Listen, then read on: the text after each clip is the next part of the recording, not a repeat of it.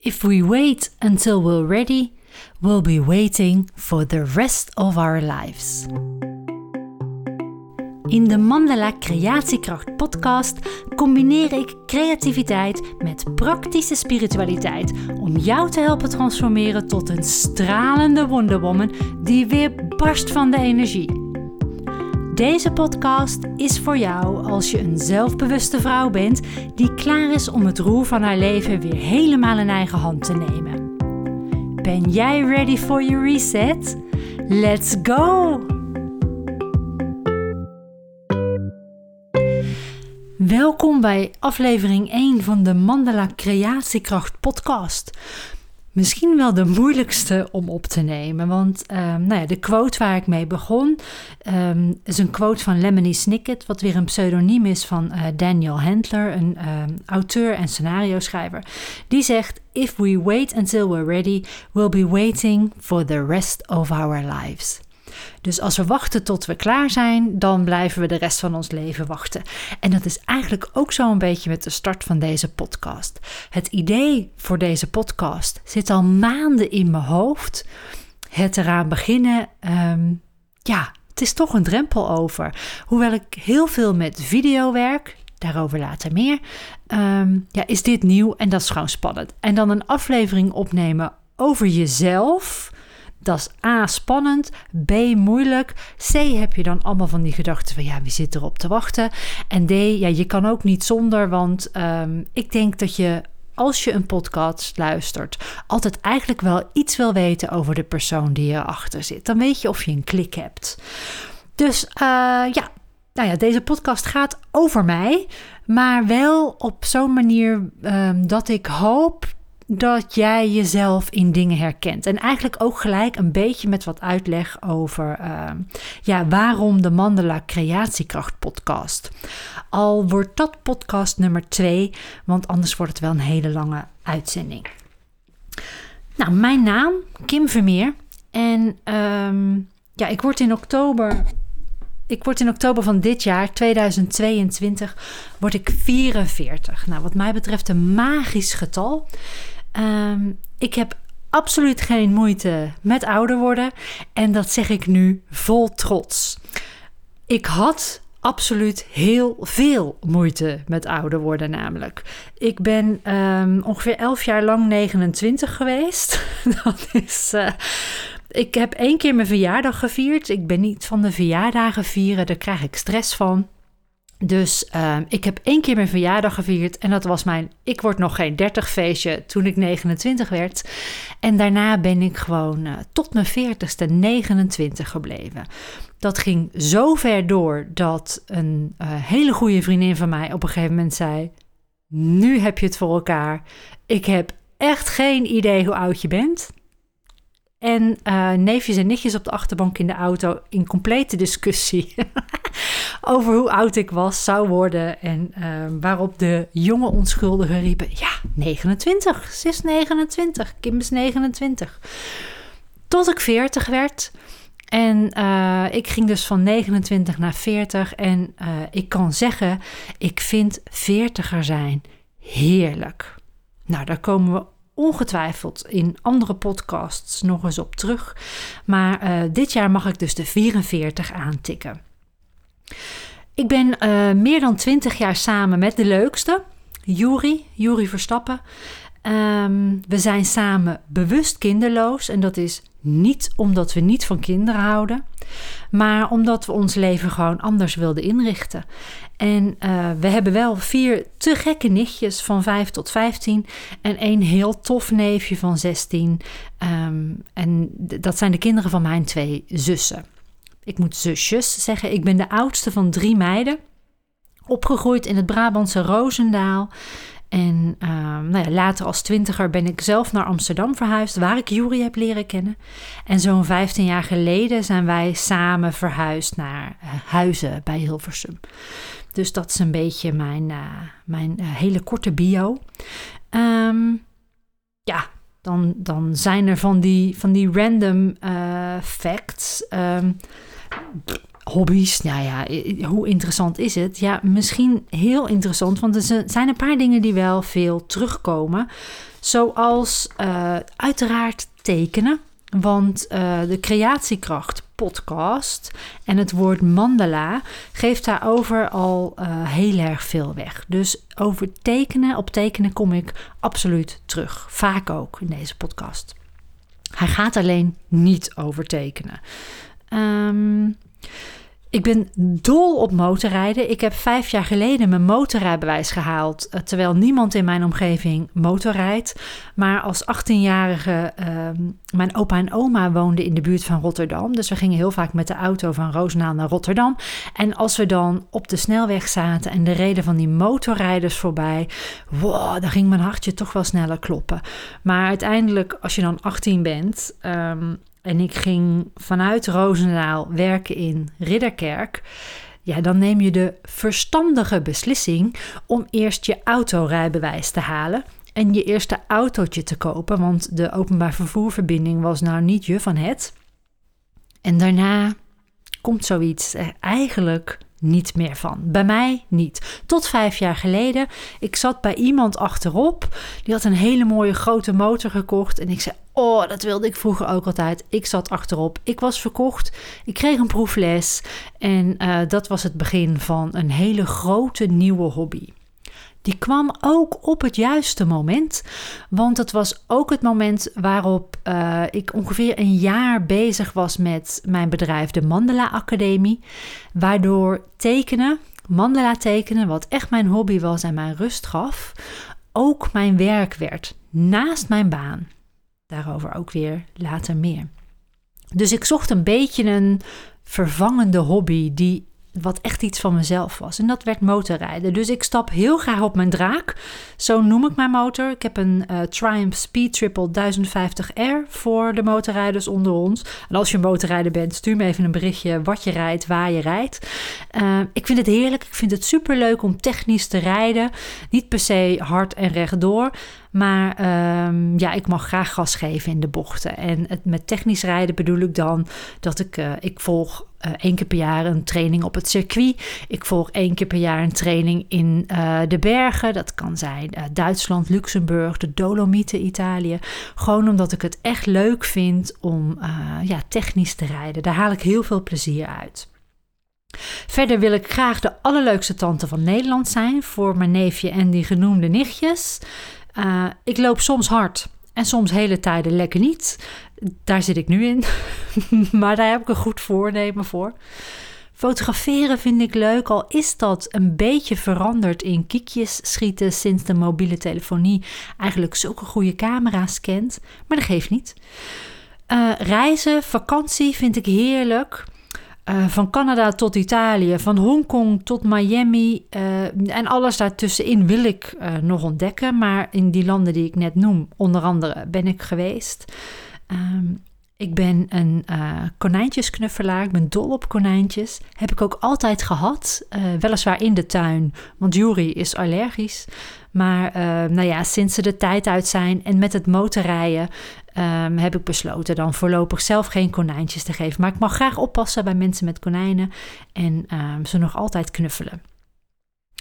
Um, ja, en dan nog heel even een klein stukje over Juri. Die uh, is videograaf. Met zijn bedrijf Verstappen Video helpt hij mij met het maken van de online cursussen die ik aanbied in de Mandela Academie. Waar ik later nog op terug zal komen. En um, hij is van origine geluidstechnicus. Dus ook met deze podcast zal hij me helpen. In ieder geval met de editing en de stukjes waar ik zelf niet uitkom. En hij is sowieso de beste support in mijn leven eigenlijk die je krijgen kan. We zijn echt een twee-eenheid. Um, en tegelijkertijd ook heel uh, individueel.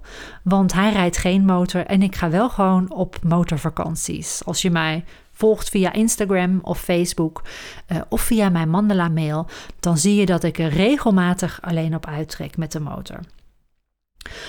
Nou, dat zijn een beetje de, uh, de random facts, zeg maar. Hoe is nu uh, hoe ben ik eigenlijk bij deze podcast gekomen? Hè? Dus de, de, de, carrière hierheen. En waarom ben ik nou degene die zo'n Mandela Creatiekracht podcast zou moeten hosten. Um, ja, nou ja, het is bij mij een beetje zo gegaan. En dat geeft ook wel aan hoe ik in elkaar zit. Um, als ik heel hard studeerde, dan kon ik naar het VWO. Als ik iets minder hard studeerde, kon ik vijf jaar HAVO doen. Ja, nou, dan koos ik dus voor vijf jaar HAVO. Daarna kon ik naar het HBO.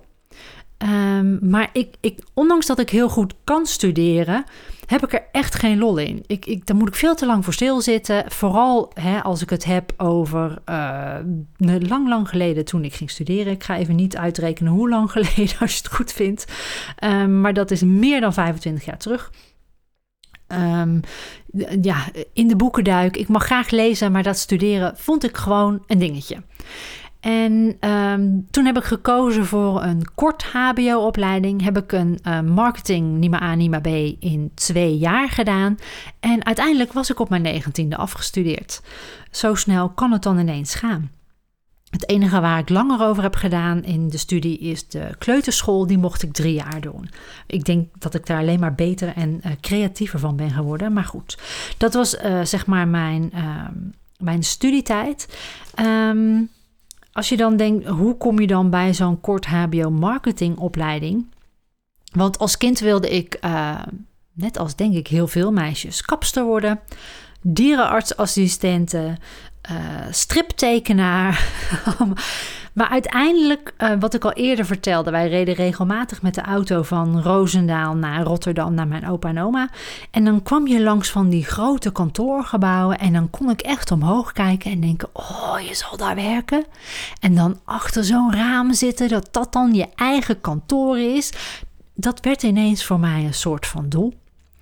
En um, echt die corporate wereld in, die zakenwereld in. Ik zag mezelf helemaal in een mantelpakje en uh, dat vond ik toen fantastisch. Ik heb uiteindelijk voor de studie marketing gekozen, omdat daar ook zeker veel creativiteit in zit. Alleen, um, ja, toen ik dus op mijn negentiende afgestudeerd was en ging um, solliciteren in de marketingwereld, kwam ik nergens aan de bak te jong, te weinig ervaring. Uh, nou ja, je kent het allemaal wel. Inmiddels is daar veel in veranderd, maar toch. Um, ik had als bijvak destijds tijdens mijn studie Spaans en logistiek. En uh, een tante van mij werkte bij een logistiek bedrijf. En ze zei: Nou ja, waarom kom je in die tussentijd, tot je iets in de marketing vindt, niet bij ons werken? Zo ben ik in de logistieke wereld gerold. En ik zal je zeggen. Um, ik geloof heel erg dat je pad eigenlijk bijna altijd wel zo loopt zoals het zou moeten lopen. En bij mij was het logistieke pad absoluut een pad wat ik ook heb moeten lopen. Alleen, ik heb het 25 jaar lang gelopen.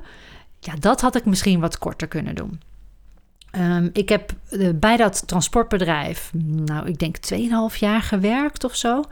Wat ik daar heel erg heb geleerd, is um, dat ik goed floreer in een mannenwereld.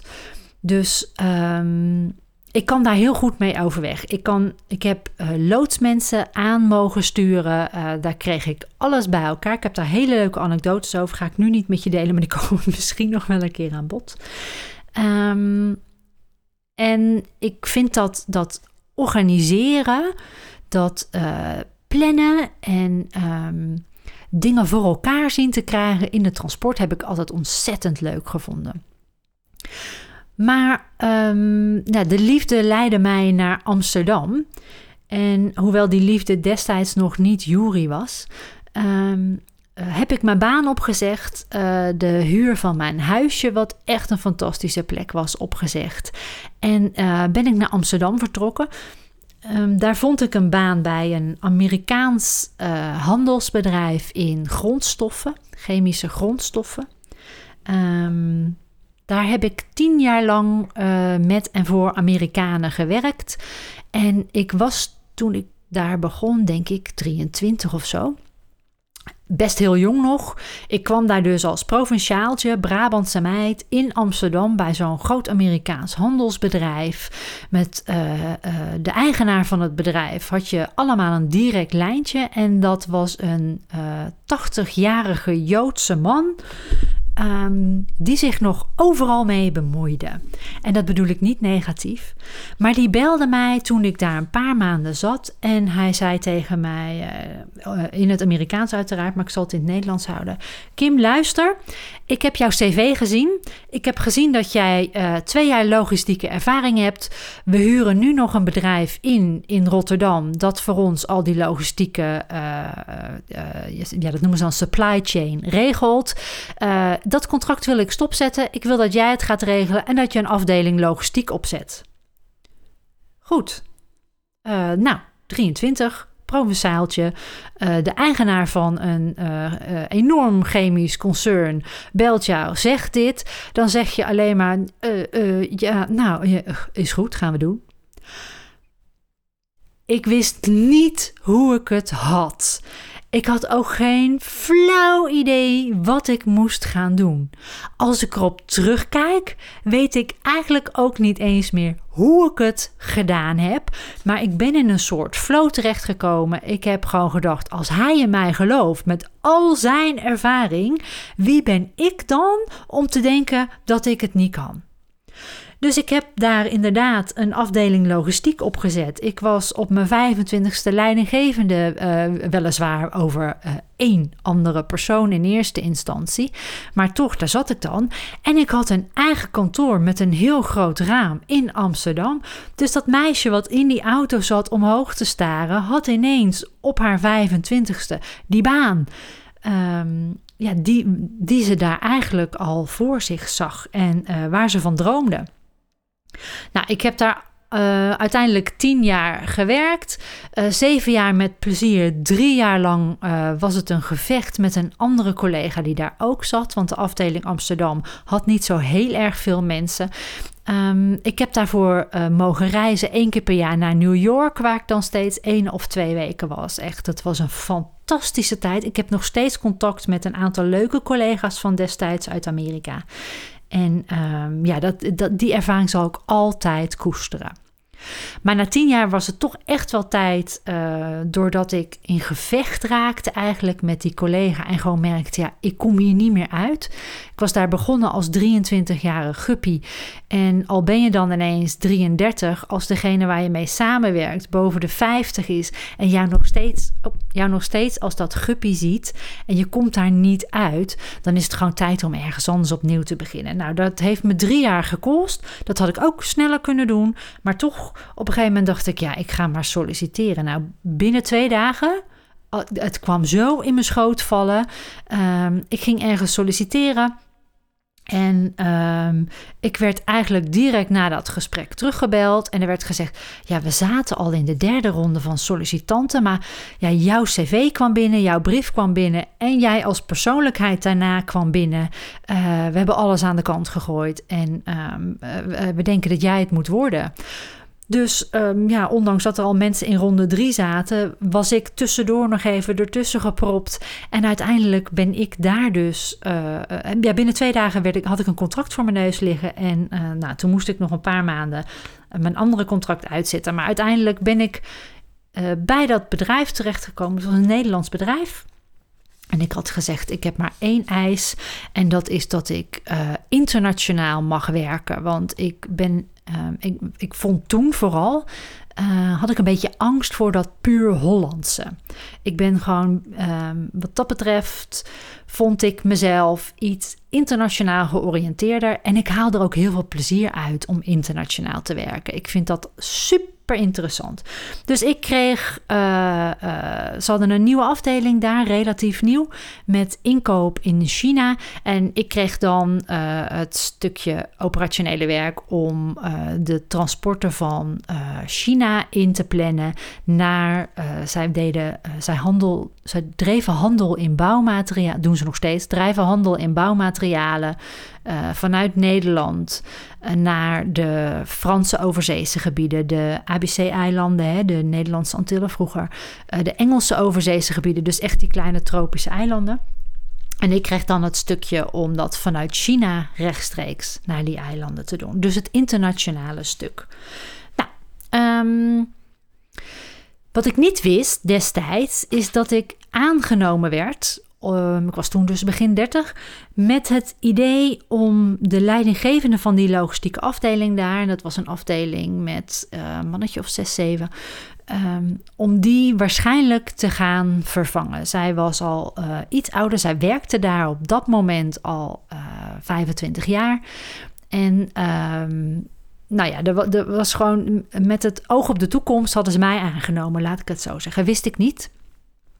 Maar na een aantal jaar uh, kwam dat dus naar boven. En toen zeiden ze ook tegen mij: Ja, we hebben je met die intentie aangenomen. Maar ja, als we er zo naar kijken, denken we eigenlijk: Ja, je bent er misschien toch niet zo geschikt voor. Dus nou, dat moet je tegen mij zeggen. Niet geschikt, niet geschikt. Ik denk, potverdorie. Eerst uh, een 80-jarige man die zegt uh, binnen drie maanden van... ik geloof in jou, jij moet dit en dit doen. En nu hoor ik niet geschikt. Ik denk, nou. Dus we gingen in gesprek. En um, de reden dat ik niet geschikt geschikt bleek in hun ogen, was ook iets waarvoor ik inderdaad niet geschikt was. Er kwam heel veel cijferwerk bij kijken. Op die afdeling werd ook heel veel, wordt ook heel veel uh, administratief gedaan. En um, ik kan best rekenen, maar als ik iets niet heb, is het boekhoudkundig inzicht. Dat gaat er, dat krijg ik mezelf ook gewoon niet aangeleerd. Ik, ik kan best facturen boeken, ik kan best een beetje dingen doen. Maar nou, ik, het is gewoon een vak apart. Heb ik niet voor gestudeerd. Vind ik ook trouwens helemaal niet leuk. Sorry voor alle accountants, administratiekantoren, boekhouders die nu luisteren. Ik ben blij dat jullie er zijn. Maar um, ja, aangezien daar dan ook een eindverantwoordelijk stukje lag, zeiden ze: Je bent dus niet geschikt om uiteindelijk daar leidinggevende te worden. Waarop ik met het idee kwam: waarom splitsen we de functie niet op? Eén iemand uh, uh, leidt dan, of is eindverantwoordelijk voor dat administratieve stuk. En ik ben gewoon eindverantwoordelijk voor de afdeling, het uh, operationele werk en um, de mensen. Nee, slecht idee. Oké, nou dan niet op dat moment uh, vond ik dat wel prima, maar er ging toch ook eigenlijk wel iets in mijn stuk. En um, dat wordt een andere podcast voor een andere keer. Uh, over hoe dit soort um, ja, ervaringen in je leven uh, tot verandering kunnen leiden. Maar ik ga nu eventjes fast forward. Want uiteindelijk, uh, in, ik heb daar tien jaar gewerkt en in de laatste drie jaar daarvan kwamen ze, waren we weer bezig met mensen werven voor de afdeling. En ook met het oog op van ja, we willen dan iemand aannemen die wel die leidinggevende functie kan uh, gaan overnemen. En op de een of andere manier kwam ik terecht bij die sollicitatiegesprekken. Nee, dat was niet op de een of andere manier. Ik kwam terecht bij die sollicitatiegesprekken omdat ze wel hadden gezien dat ik mensenkennis heb. Dat ik um, ook anders naar mensen kijk en ook andere type vragen stel aan mensen om erachter te komen wie is nou de mens achter degene die daar in dat sollicitatiegesprek zit. Dat, dat, ik kan ook niet uitleggen hoe, maar um, nou ja, sommige mensen zeggen dat, hè, ik heb veel mensenkennis, ik zeg dat ook, ik heb mensenkennis. Ik kan dingen zien bij mensen. Dus ik zat in die sollicitatiegesprekken. Um, daardoor zat ik in die sollicitatiegesprekken ook met de eigenaar van het bedrijf. En na twee of drie van die gesprekken uh, werd me gevraagd de kamer te verlaten. Een uurtje later word ik gebeld, teruggeroepen. Kim, kom nog eens zitten. Hadden ze eigenlijk bedacht dat wat ik een paar jaar geleden daarvoor al had geopperd. Goh, Kim, waarom ga jij niet die afdeling leiden? De menselijke kant ervan, zeg maar, hè? dus echt het teamleiderstuk. En dan houden we de eindverantwoordelijkheid voor de cijfers en uh, dat soort dingen bij degene die nu de afdeling leidt. Dus eigenlijk een gesplitste functie. Nou, dan wil ik ook best um, uh, de, uh, degene die daarmee kwam laten denken dat die dat bedacht had. Vind ik niet erg. Vindt mijn ego ook niet erg. Um, ik zag het helemaal zitten. Ik vond dat helemaal leuk, want ik was een beetje op een doodpunt beland in de carrière daar. Uh, ik dacht, nou ja, dan zit ik mijn tijd maar een soort van uit. Maar ik was natuurlijk ook ondertussen gestart met de Mandela Academie. Klein stapje terug. Nou, ik moet even uit. Ik ga het proberen binnen de 30 minuten te houden. Dus ik ga nog vijf minuutjes nemen. Um, toen ik in nou, misschien wordt het toch een klein beetje langer, want het heeft iets inleiding nodig. Als kind tekenen was een hobby van mij. Dat zei ik al eerder. Tekenen was een hobby van mij. En toen ik uh, uh, in Amsterdam woonde en lekker in die carrière bij dat Amsterdamse handelsbedrijf zat, toen dacht ik op een gegeven moment: ik heb een hobby nodig. Um, mijn leven staat. Ik heb een huis. Ik heb een leuke relatie. Ik heb een goede baan. Is dit het dan? Waarom ga ik niet weer eens tekenen? Maar tekenen is zoiets wat je op school graag doet, wat je als kind graag doet.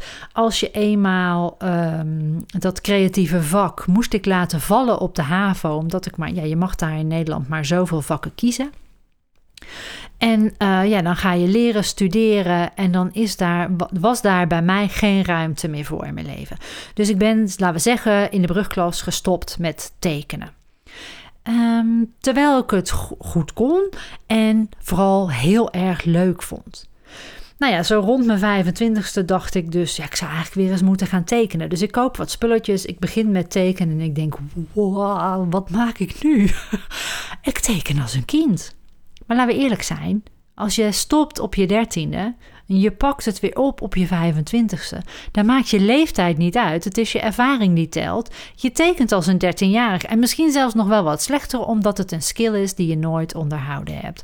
Dus ik dacht, nou heb ik al die spullen gekocht en ik kan gewoon niet tekenen. Hier begin ik niet aan. Toen was het, ik meen, mijn schoonmoeder die tegen me zei: Ken je de mandala?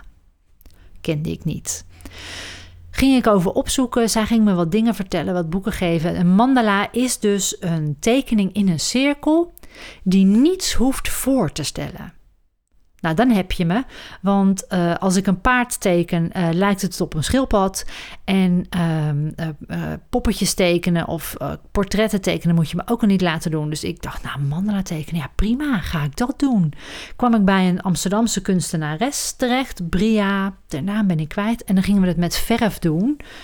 Nou, dat was ook echt, daar kwam ik er ook achter. Verf is ook niet mijn ding. Ik ben gewoon een potloden, kleurpotloden mens. Want laten we eerlijk zijn, dan heb ik lekker controle over mijn materiaal. Mag jij invullen wat dat over mij zegt? Fast forward, we verhuisden naar Huizen. Daar viel op dag twee of drie een foldertje in de bus van de Volksuniversiteit. En daar stond in een cursus mandala tekenen. Toen kwam ik terecht bij Wil. Die woont een aantal straten verderop. Super lieve vrouw.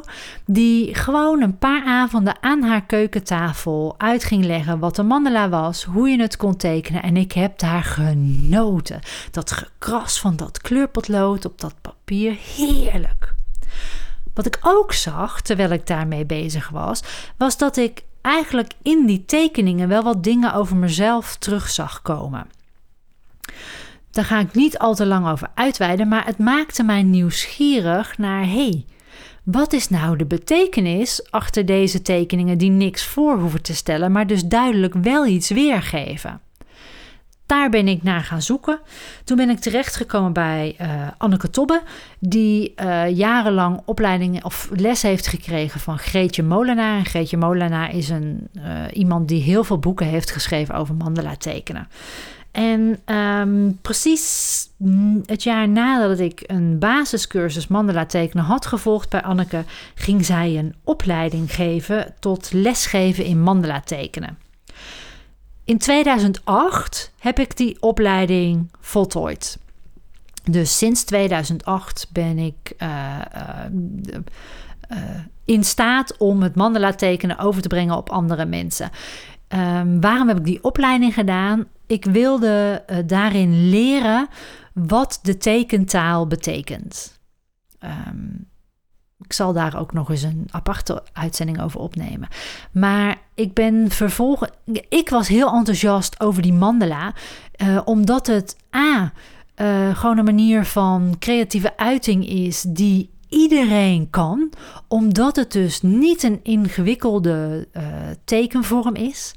En B, omdat er dus zoveel informatie over jezelf in staat, die je uh, van je onbewuste bewust maakt via het papier. En waar je dus, die je dus kunt gebruiken om uh, dingen over jezelf te weten te komen en eventueel ook veranderingen in gang te zetten. geef ik al een heel klein beetje weg over waarom de Mandala Creatiekracht podcast. Nou, ik heb ook uh, direct daarna mezelf uh, ingeschreven bij de Kamer van Koophandel uh, met het bedrijf Spiritueel Bewust. Want ik zat op dat moment eigenlijk heel erg op mijn eigen spirituele ontwikkeling. Um, ik ben een uh, HSP'er met uh, uh, hoogbegaafde trekjes, ADD-trekjes, ADHD-trekjes, geen idee. noem alle lettertjes. Maar daar was ik op dat moment heel erg mee bezig. Ik heb ook readings gegeven, tarot gelezen, mediumschap gedaan. Uh, ik weet niet eens meer wat ik allemaal heb gedaan. Quantum Touch, dus healing gegeven, mensen healing gegeven. Um, via uh, Art, dat is een soort bijenwas. Tekeningen gelezen voor mensen waarin ik uh, dingen over ze te weten kon komen. Dus dat heb ik allemaal gedaan en daarom heette mijn bedrijf op dat moment spiritueel bewust. Maar die mandala bleef trekken en ik bleef aan de keukentafel ook lesgeven in mandala tekenen. Ik ontwikkelde allerlei cursussen die ik daaraan gaf. Uiteindelijk ben ik ruimtes gaan huren omdat mijn uh, keukentafel te klein werd. Ruimtes gaan huren, les gaan geven. Allemaal naast een fulltime baan. Maar in 2015 besloot ik toch om les te gaan geven in een nieuwe vorm, namelijk online cursussen Mandela tekenen. En zo ontstond mijn bedrijfsnaam Mandela Academie. En in 2015 waren online cursussen met video, want dat is wat ik doe echt nog niet zo uh, gewoon als nu. Sterker nog, in de mandala tekenwereld weet ik zeker was ik de eerste. En als ik niet de alle, alle, allereerste was, dan was ik wel in ieder geval degene die dat op een hele goede manier kon doen. Omdat ik A, opleiding heb gehad in het lesgeven erin. B, het op dat moment al zeven jaar deed. En C, ik heb een in-house videograaf. Dus ik heb de spullen. Um, en uh, de kennis en alles van dat in huis, gecombineerd met mijn enthousiasme voor de mandala. Mijn missie werd op dat moment: ik ga dat mandala tekenen uit de stof trekken, want het, is, het was ontzettend stoffig. Uh, het viel een beetje voor mij in de categorie, um, en ik hoop dat ik hiermee niemand beledig, borduren. Um, uh, hè, dus ja, iets wat oude vrouwtjes doen dat was een beetje het beeld wat er was. En uh, ook al kwamen de mandala kleurboeken op dat moment al wat meer naar voren. Hè? Uh, maar ja, volwassenen die kleuren worden ook niet per definitie heel erg serieus genomen. Dus ik dacht, ik ga dat, ik ga dat stof eraf gooien. Ik ga dat leuk maken. En uh, zo met de Mandala Academie kan ik ook zeggen, is me dat gelukt. Inmiddels heb ik uh, meer dan duizend cursisten die online cursussen betaald bij mij hebben gevolgd. En meer dan 8000 mensen via mijn Facebook, YouTube, Instagram en mijn eigen Mandala mail.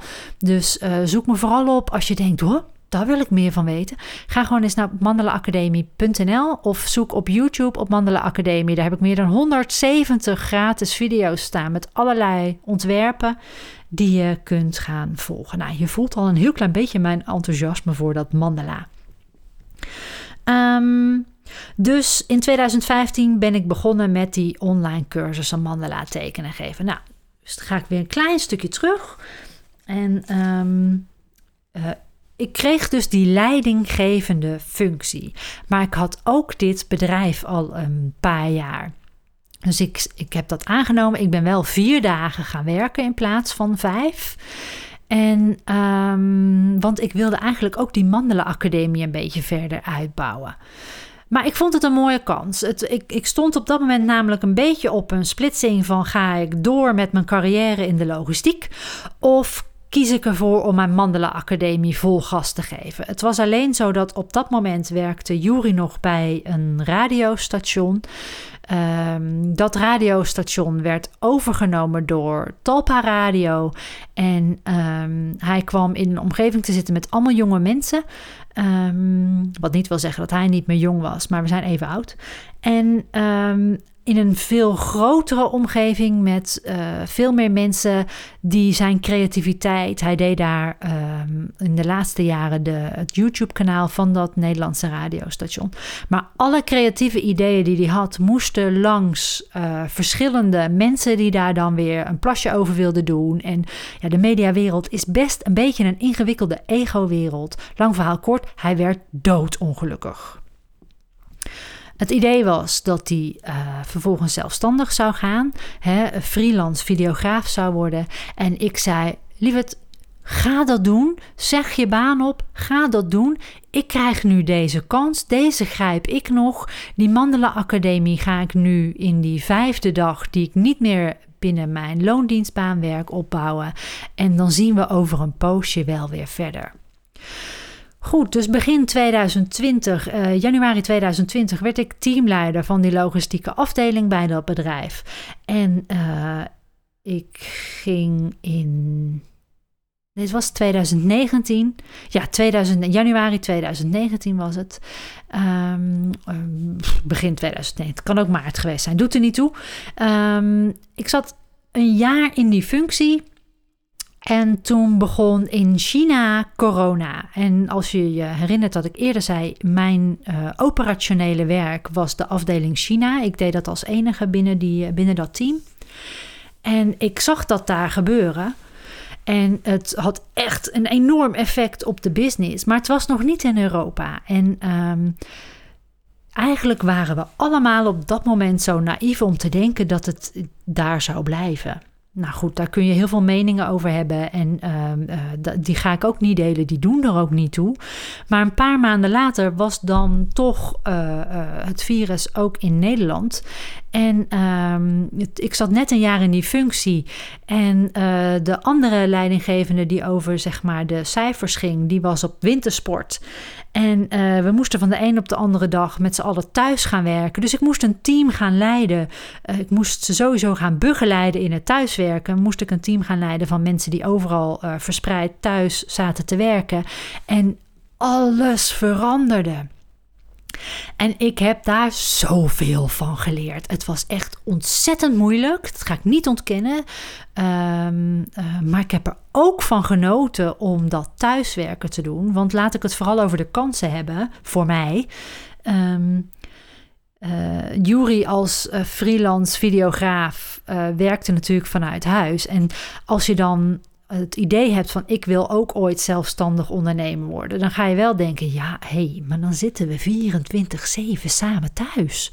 Wat doet dat met je relatie?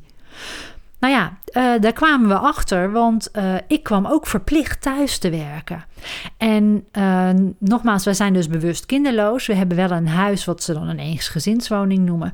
Dus wij hebben de mazzel dat we allebei een eigen werkruimte hebben.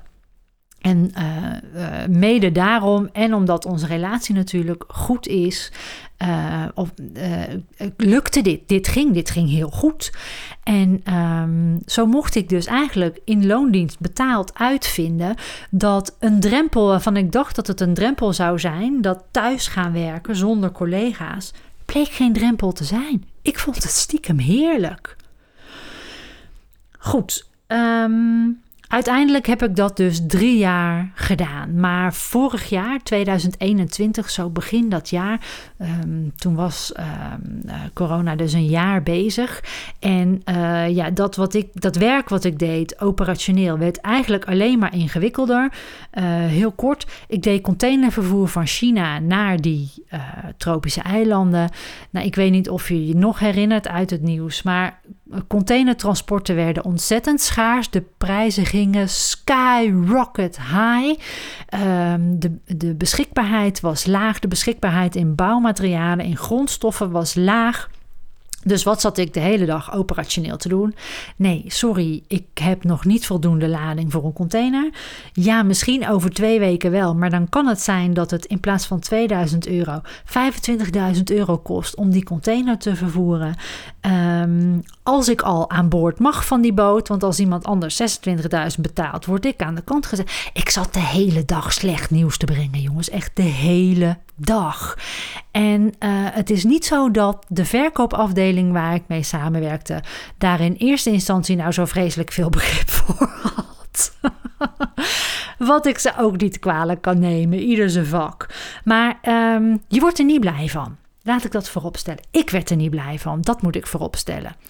En uh, ik zag ondertussen ook, dankzij corona, dat dat hele online cursussen en mensen die thuis zaten, die niets anders konden doen dan wandelen in het bos. Of uh, uh, televisie kijken of thuis iets doen om zichzelf te vermaken. Dat hele online cursusgebeuren, bam, dat explodeerde. Iedereen wist ineens hoe Zoom werkte. Iedereen uh, wist ineens, nou je kan het ook met je mobiele telefoon allemaal filmen. Ook al doe ik het dan natuurlijk met professionele apparatuur. Zie je ook in mijn video's als het goed is. Um, het werd een ding. En omdat ik op dat moment besloot, ik ga een cursus gratis op mijn website zetten. Die staat er nu nog, maar die gaat eind van het jaar af. Als je naar mandelenacademie.nl gaat en je klikt op cursusaanbod, kun je kiezen voor een gratis 24-daagse uh, cursus mandala tekenen. Um, pak hem dus nog. Als je nu denkt van, oh, dat moet ik aan mijn, uh, wil ik zelf doen, of dat moet ik aan mijn kinderen vertellen, of aan mijn tante of aan mijn moeder. Uh, Mandelaacademie.nl cursusaanbod. Ik gooide die gratis cursus erin, omdat we dachten, nou, corona, we zitten allemaal thuis, hè, wat vervelend. Ik denk, ik ga die cursus gewoon, zolang corona duurt, gratis neer, erin zetten. Wisten wij veel.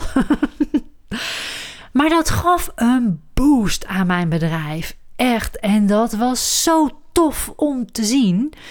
Uh, en toen dacht ik, hier duik ik in. Toen ben ik een cursus gaan maken hoe je gemstones, edelstenen, kleurt. Want dat was een beetje een hype aan het worden. Die zag ik wel komen, dus daar sprong ik in. Ik maakte die cursus. En dat heeft meer dan 600 keer werd dat verkocht. Um, ik wist niet wat ik meemaakte, jongens. Ik dacht echt, wow, dit gaat goed. Dit is leuk. Maar ik kreeg het dus steeds drukker met mijn Mandelenacademie. Ik kreeg het steeds drukker in mijn werk. Dat werd ingewikkelder. Ik kreeg het steeds drukker met, dat, met het leiden van dat team. Wat ik ontzettend leuk en interessant vond, maar ook mega ingewikkeld uh, met dat thuiswerken in eerste instantie. Dus ik stond weer op het kruispunt kiezen. Datzelfde kruispunt als waar ik drie jaar eerder daar ook voor stond. En uh, toen hebben we tegen elkaar gezegd, Jury en ik, uh, ga dit doen. Ga dit doen, ga dit uitzoeken, ga dit ondervinden. Um, ik kan altijd nog uh, uh, NS-conducteur worden of zo. Uh, buschauffeur, I don't know. Ik, kan, ik, ik ben, hè, in de logistiek is sowieso denk ik altijd werk. In Nederland moet alles vervoerd worden. Maar hè, dus je wil graag een soort van vangnet voor jezelf hebben voordat je een eigen bedrijf start. Allemaal schijnzekerheid, hè? laten we eerlijk zijn. Nergens voor nodig, maar je doet het toch. En uh, toen ben ik mezelf gaan mentaal en emotioneel gaan voorbereiden op, ja, dan ga ik dus ontslag nemen. Daar heb ik de hele zomer over gedaan.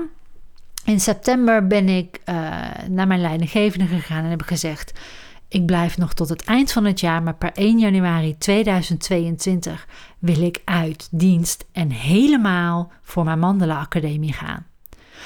Daar werd ontzettend fijn op gereageerd. Met een hele grote gunfactor.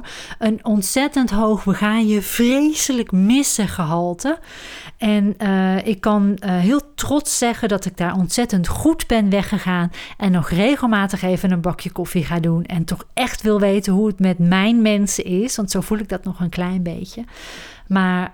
Um, ja, die kans heb ik gekregen. En uh, nu ben ik dus per 1 januari vol in de Mandela Academie gegaan. Nog een klein stukje over mezelf voordat, we, uh, voordat ik deze afsluit. Want um, het vol voor de Mandelenacademie gaan heeft uiteindelijk ook weer een wending genomen. En dat wil ik in de volgende podcast gaan uitleggen over waarom de Mandela Creatiekracht podcast. Maar wat ik wil zeggen nog over mezelf in relatie tot dit. Het, lijn, het operationele werk van de logistiek mis ik niet. Geen seconde. Wat ik wel vreselijk mis, is de mensen coachen. Ik heb mijn teamleiderschap nooit gezien als leiding geven. Je hebt van die managers die echt zo graag de touwtjes in handen willen hebben en dat op hun manier de leiding gegeven wordt. Zo'n manager ben ik nooit geweest. Althans, vind ik. Um, mijn doel is altijd geweest de mensen als uh, als je de mensen op de eerste plek zet, dan worden ze blij, dan worden ze, uh, voelen ze zich gewaardeerd. Uh, ik wil de mensen graag dat wat ze goed kunnen en graag doen ook kunnen laten doen. En als je dat allemaal op elkaar aansluit, krijg je gewoon een heel fijn team met mensen die uh, ervoor gaan in hun werk en die zelf ook lekker in hun vel zitten. En, en dat coachen, zorgen dat mensen op hun plekje vallen en lekker in hun vel zitten, dat mis ik vreselijk. En daarover meer over waarom de Mandela Creatiekracht podcast in uh, aflevering 2 straks. Nou ja, um, dan hoop ik nu eigenlijk alleen maar dat ik een beetje een beeld van mezelf heb geschetst. Uh, waarin je misschien ook wel kleine stukje van jezelf herkent. Nou ja, ik heb natuurlijk ook heel veel over mezelf nog niet verteld. Maar dat komt ongetwijfeld steeds tussendoor een beetje aan bod. Um, ja, nu ben ik benieuwd. Wie ben jij? Dus als je deze podcast hoort. Um, ja, maak bijvoorbeeld eens een print screen ervan en uh, uh, uh, zet hem in je stories. Tag mij daarin. Je kunt me op socials vinden onder Mandela Academie. En um, laat me weten wie jij bent, wat je doet, waarom je luistert. Of stuur me een mailtje kim.mandelaacademie.nl met een streepje tussen Mandela en Academie. kim.mandelaacademie.nl En laat me gewoon weten wie jij bent, want ik wil heel graag weten wie je luistert. En uh, ja, is er nu een vraag in je opgekomen of wil je iets aan me vertellen? Uh, doe dat gerust. Um, tot zover uh, over mij. Genoeg over mij. Uh, deze podcast gaat uiteindelijk niet over mij, maar ik wilde me wel even netjes aan je voorstellen. Um, je kunt ook nog veel meer over mij vinden op www.mandelaacademie.nl. En als je je daar via uh, contact inschrijft op mijn Mandela mail, krijg je ook één keer in de zoveel tijd nog een superleuke, dat beloof ik, e-mail over um, ja, mandala tekenen, maar toch ook wel meer. En daarover meer uh, over in aflevering 2 van de Mandala Creatiekracht podcast. Tot zover aflevering 1. De kop is eraf. He, ik begon met die quote. Um, If you wait until you're ready, you'll be waiting for the rest of your life. Nou, ik ben begonnen. Ook al was ik nog niet echt klaar. Het is ook langer ge uh, geworden dan ik had gedacht. Maar ik heb begrepen dat dat in een podcast niet per se erg is. Um, that's it. Dankjewel dat je luisterde naar deze aflevering van de Mandala Creatiekracht podcast. Ben je nog niet geabonneerd? Doe dat dan even via je favoriete podcast app. En zet ook die notificatiebel aan, dan hoef je niks te missen. Vond je deze podcast waardevol? Deel hem dan bijvoorbeeld door een screenshot van deze aflevering te maken en die in je social stories te delen.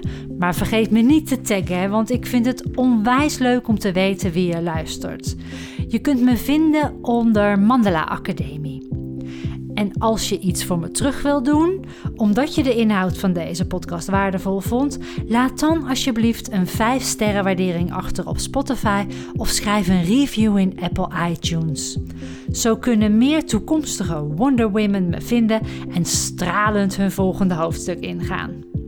Voor jou wens ik dat je de inzichten die je mocht ontvangen lekker meeneemt je dag in en op hun plek laat vallen.